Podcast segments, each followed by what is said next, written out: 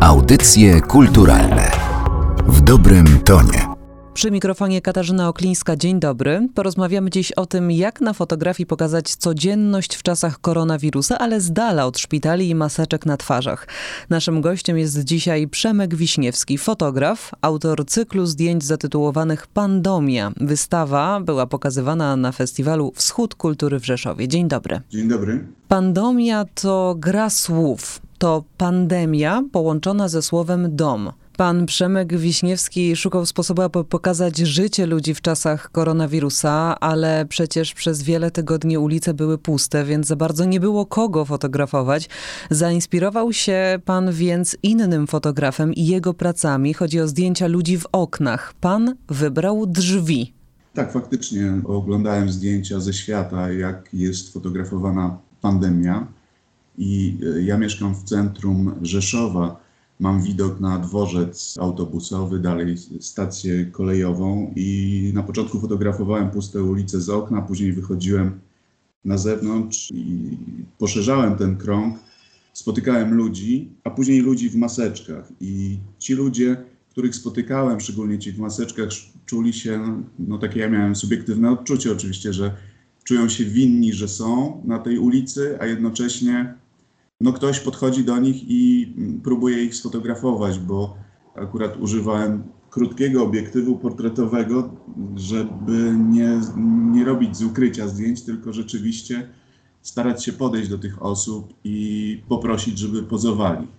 No i powiem, że to jest co najmniej 100 osób, które prosiłem, żadna się nie zgodziła. I wtedy pomyślałem, że to znaczy to się jeszcze łączyło z, czasami z aktami agresywnymi bądź też donosicielskimi do służb. W związku z tym tak sobie pomyślałem, że to nie tędy droga i, i jeśli chcę dokumentować ten czas, to muszę po prostu przewartościować swój pomysł i stwierdziłem, że zacznę od, od siebie, od swojej rodziny, od mieszkańców piętra, kamienicy i później znajomych, których tutaj fotografowałem już wcześniej w Rzeszowie i to będą spotkania no, takie, gdzie ludzie godzą się na to, na spotkanie ze mną i to nie będzie tutaj w ogóle połączone z jakąkolwiek agresją czy niechęcią, tylko to będą takie spotkania ożywcze w tym czasie i szczególnie, bo tutaj jest mowa o kwietniu i maju tego roku, ten kwiecień był taki, rzeczywiście byłem e, osobą, która po, po wielu dniach przychodzi do kogoś do domu i, i rozmawia z nimi. A czy czuł pan taką powinność, że powinien dokumentować ten czas zamknięcia w czasach zarazy? Wychodząc na ulicę, prosząc ludzi, spotykając się z odmową, bo ta liczba około 100 osób, które panu odmówiły, robi wrażenie. Tak, tak. No temu towarzyszył taki ogólny strach. No teraz troszeczkę to się wszystko poluzowało, zmieniło, ale to rzeczywiście na początku to wszystko było nowe i znaliśmy to tylko z ekranów telewizorów. Widzieliśmy takie obrazki ludzi w maseczkach w Azji. Tutaj to rzeczywiście była nowość. Dzisiaj już to trochę spowszedniało. Ale tak się zastanawiamy, no wszyscy byliśmy uwięzieni i ja w sumie mam pracę trochę domową, no bo robię fotografię, zajmuję się fotografią, w związku z tym duża część czasu polega na obróbce tych zdjęć.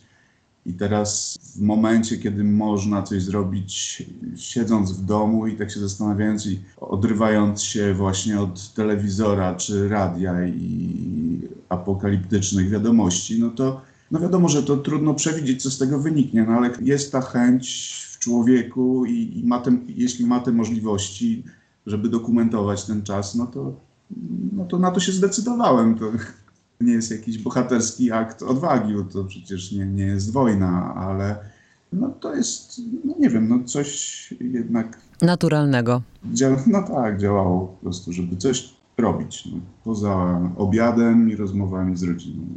A czy trudno było w czasach zamknięcia namówić bohaterów do zgody na zrobienie im zdjęć w ich własnych mieszkaniach przez otwarte drzwi? Bo tak pokazuje pan swoich bohaterów. Tak, tak. No, no ja odwiedziłem ponad 100 takich mieszkań i domów w ciągu dwóch miesięcy. Natomiast na początku rzeczywiście to byli znajomi i sąsiedzi, a później już się tak rozprzestrzeniałem trochę jak wirus. U każdego, u którego byłem, no to rozmawiając z nim, prosiłem, że jeśli mają jakichś znajomych bądź rodzinę, którzy zechcieliby się otworzyć na mnie i na mój pomysł i na fotografię, no to ja chętnie z tego skorzystam i w zasadzie nikomu nie odmówiłem.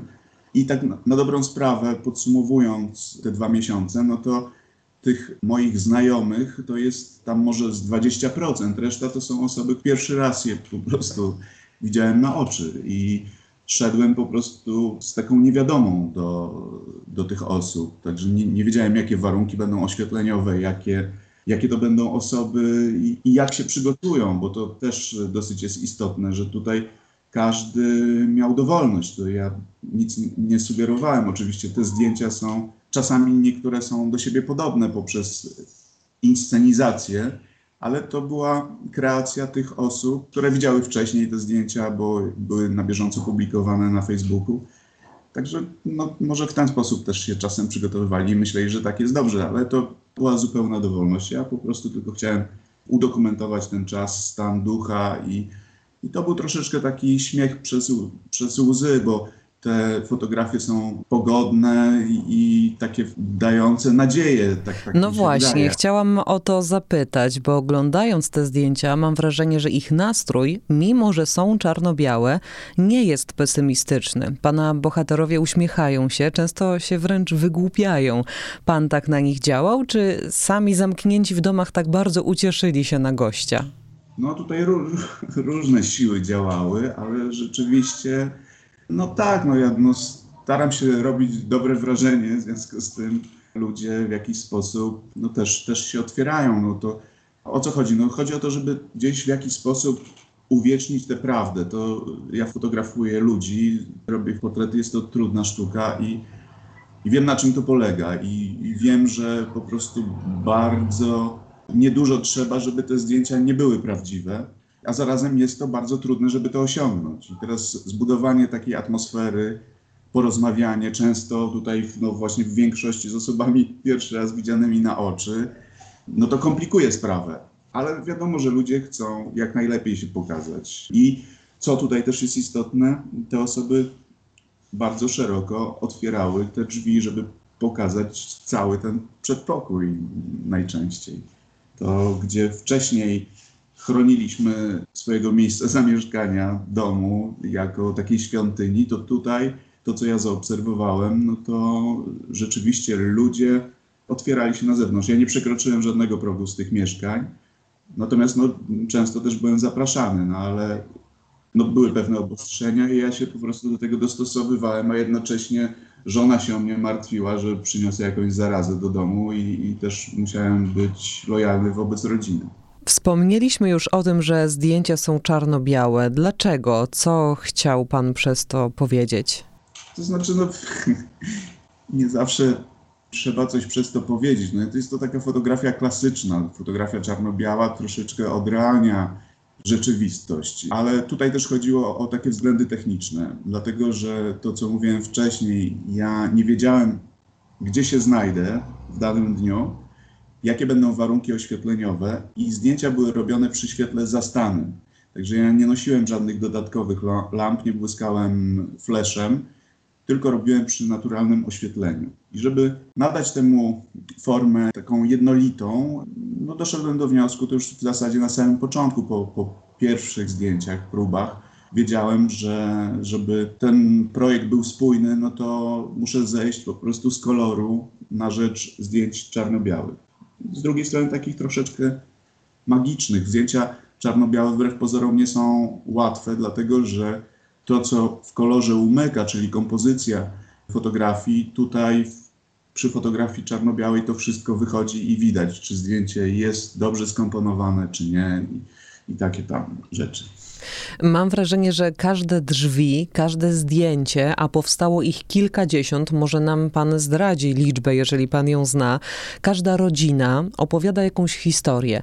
Jakby każdy chciał na tym jednym zdjęciu pokazać coś, co jest mu bliskie. Na przykład swoje zainteresowanie albo ukochane zwierzę, które przecież staje się też częścią rodziny. Stworzył pan tym samym taką opowieść o osobach w czasach pandemii, bo te zdjęcia przenikają się nawzajem. Są jedną opowieścią o wielu bohaterach. No tak, zdjęcia domowników, ale właśnie domowników w tym szerszym znaczeniu tego słowa, czyli no jest chomik, jest żółw, no ale są, głównie to są koty i psy. No to są, to są też domownicy, w związku z tym no ja chciałem, żeby, jeśli to jest możliwe, żeby wszyscy, wszyscy byli na takim zdjęciu. Rzeczywiście się udawało. No tutaj jest pan w Rzeszowie, nie udało mi się go sfotografować, bo chyba na czas pandemii gdzieś wyjechał, ale w sumie nawet chyba niedaleko mnie mieszka z prosiakiem w mieszkaniu i To by było ciekawe zdjęcie.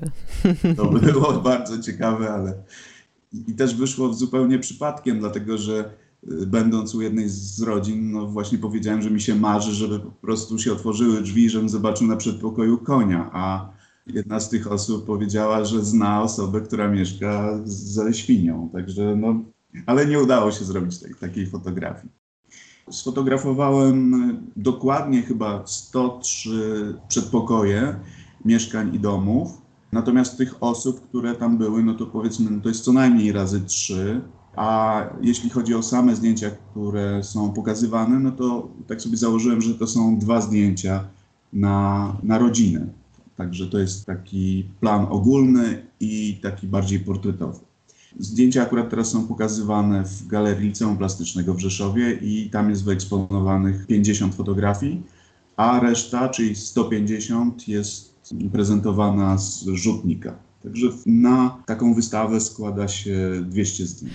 Tak jak pan powiedział, w Galerii Miejskiej Zespołu Sztuk Plastycznych w Rzeszowie w czasie festiwalu Wschód Kultury, ale także w internecie, na pana stronie internetowej można zobaczyć cykl. Moją uwagę zwróciło zdjęcie pana rodziny. Jest na nim kobieta, mężczyzna i dziecko. Każda osoba w innym pomieszczeniu, ale wszystkie patrzące w obiektyw. Najmniej widoczny jest mężczyzna, czyli pan, siedzący w oddali. Rozmyta jest to postać. Kobieta trzyma w dłoni książkę Mariusza Szczygła Nie ma, który zresztą niedawno był gościem audycji kulturalnych. A na środku, w korytarzu, stoi dziecko, jak się domyślam, pana syn, z miną co najmniej przejętą to e, z moich obserwacji, tak wynika, jedyne zdjęcie zrobione w poziomie. Cała reszta jest w pionie.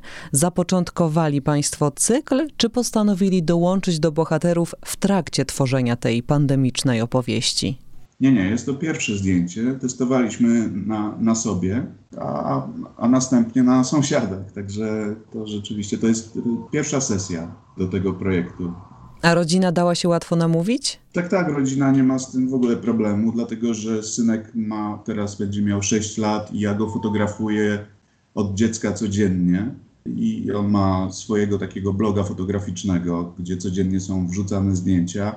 Dlatego, że my nie pochodzimy z Rzeszowa, żona jest z Zamościa, jestem z Gorzowa i tutaj na miejscu nie mamy nikogo z rodziny.